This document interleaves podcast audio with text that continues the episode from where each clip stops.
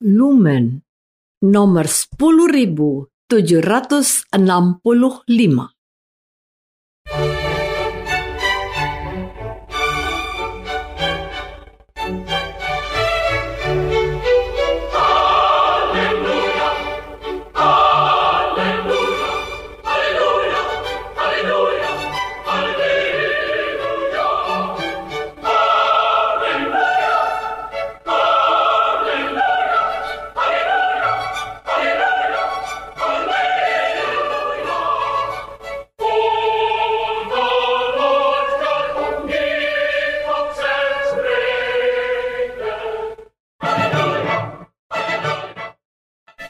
Saudara pendengar di segenap penjuru tanah air, selamat bergabung dengan Lumen Indonesia.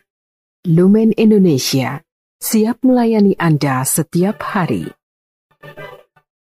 Saudara terkasih, marilah kita bersatu dalam Tuhan kita Yesus Kristus yang tidak berubah dahulu, sekarang, dan selama-lamanya.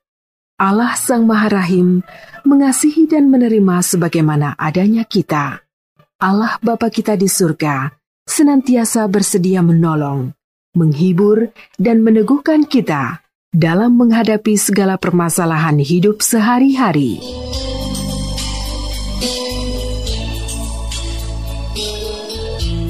Saudara-saudari, marilah kita mendengarkan renungan dengan judul Pesta Bertobatnya Santo Paulus Rasul.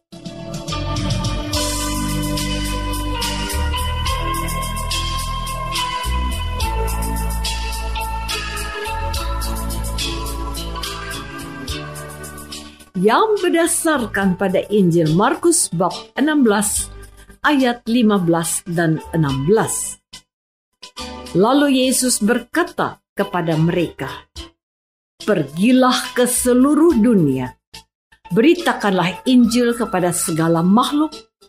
Siapa yang percaya dan dibaptis akan diselamatkan, tetapi siapa yang tidak percaya akan dihukum.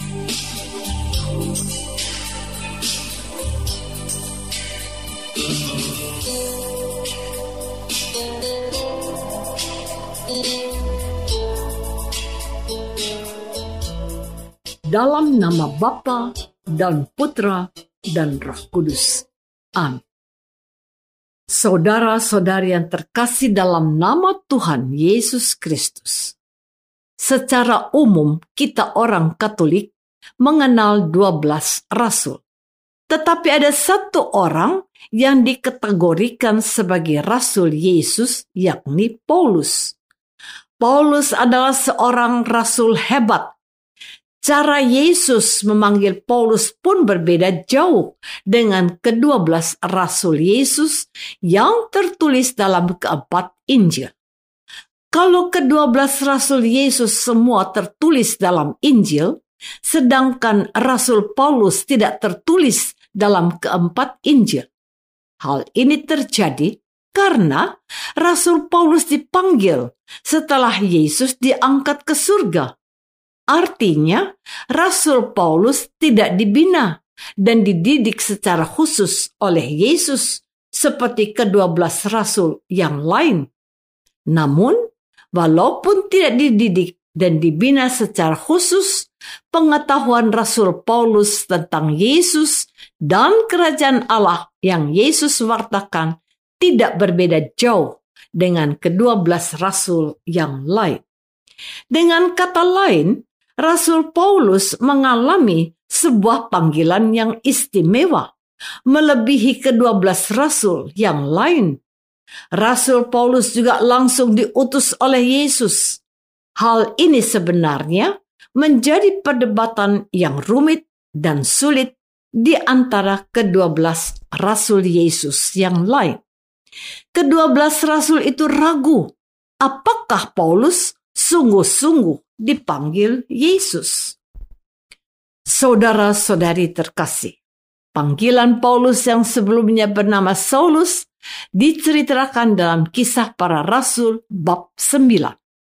Di sana diceritakan bahwa sementara itu berkobar-kobar hati Saulus untuk mengancam dan membunuh murid-murid Tuhan.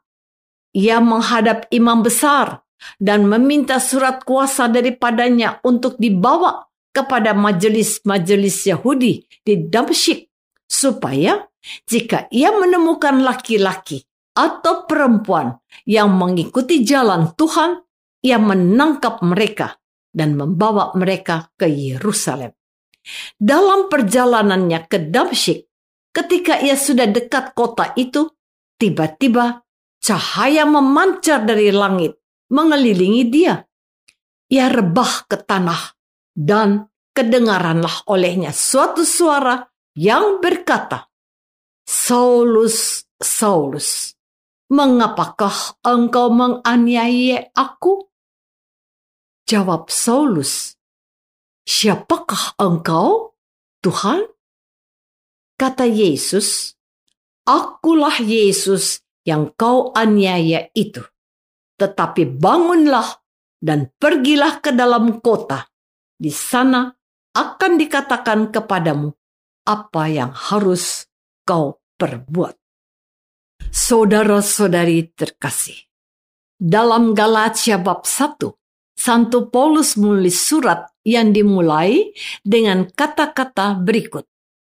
Dari Paulus, seorang rasul, bukan karena manusia, juga bukan oleh seorang manusia, melainkan oleh Yesus Kristus dan Allah Bapa yang telah membangkitkan dia dari antara orang mati dan dari semua saudara yang ada bersama-sama dengan aku kepada jemaat-jemaat di Galatia, kasih karunia menyertai kamu dan damai sejahtera dari Allah Bapa kita dan dari Tuhan Yesus Kristus yang telah menyerahkan dirinya karena dosa-dosa kita untuk melepaskan kita dari dunia jahat yang sekarang ini, menurut kehendak Allah dan Bapa kita. Bagi Yesuslah kemuliaan selama-lamanya. Amin. Kemudian, Santo Paulus mengungkapkan keheranannya dengan berkata, Aku heran bahwa kamu begitu lekas berbalik daripada Allah yang oleh kasih karunia Kristus telah memanggil kamu dan mengikuti suatu Injil lain yang sebenarnya bukan Injil. Hanya ada orang yang mengacaukan kamu dan yang bermaksud untuk memutarbalikkan Injil Kristus.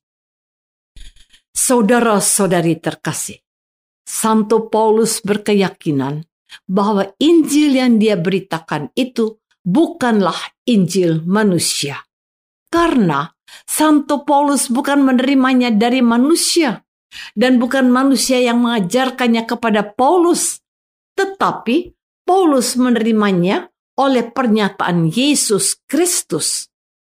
Lalu Santo Paulus menceritakan siapa dirinya dengan berkata, "Sebab kamu telah mendengar tentang hidupku dahulu dalam agama Yahudi. Tanpa batas, aku menganiaya jemaat Allah dan berusaha membinasakannya. Tetapi waktu Allah yang telah memilih aku sejak kandungan ibuku dan memanggil aku oleh kasih karunia-Nya, berkenan menyatakan anaknya di dalam aku, supaya aku memberitakan dia di antara bangsa-bangsa bukan Yahudi. Oleh karena itu, sungguh wajahlah kalau hari ini gereja Katolik merayakan pesta bertobatnya Santo Paulus. Sebab berkat jasa Santo Paulus, orang-orang di luar bangsa Yahudi menerima Injil dan mempunyai kesempatan yang sama memperoleh keselamatan termasuk kita umat Katolik dan Kristen yang ada di Indonesia dan di seluruh dunia. Dengan pertobatan Santo Paulus, kita dapat melihat betapa dahsyatnya kuasa dan kasih Allah. Allah mampu mengubah Rasul Paulus menjadi pribadi yang luar biasa.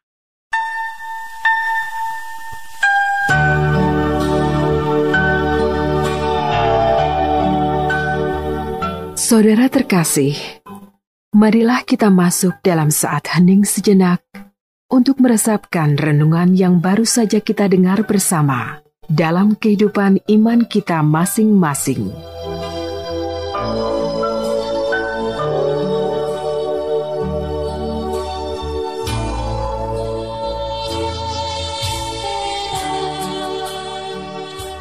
Apakah kita sudah menyadari bahwa kita pun dipanggil untuk memberitakan Injil Yesus Kristus, sama seperti yang dilakukan oleh Santo Paulus.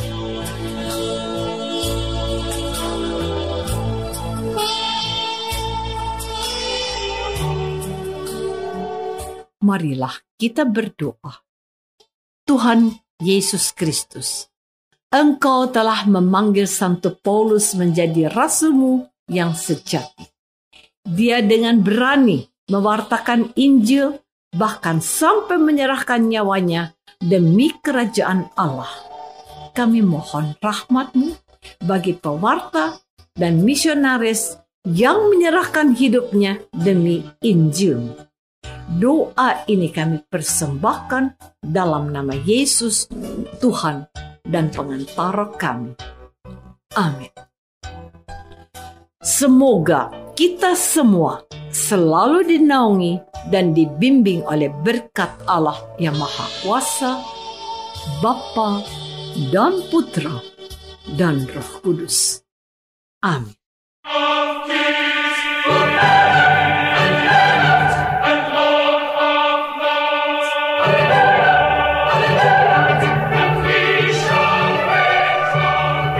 Dengan penuh kasih dan sukacita, Lumen Indonesia mengundang saudara-saudara seiman di segenap penjuru tanah air.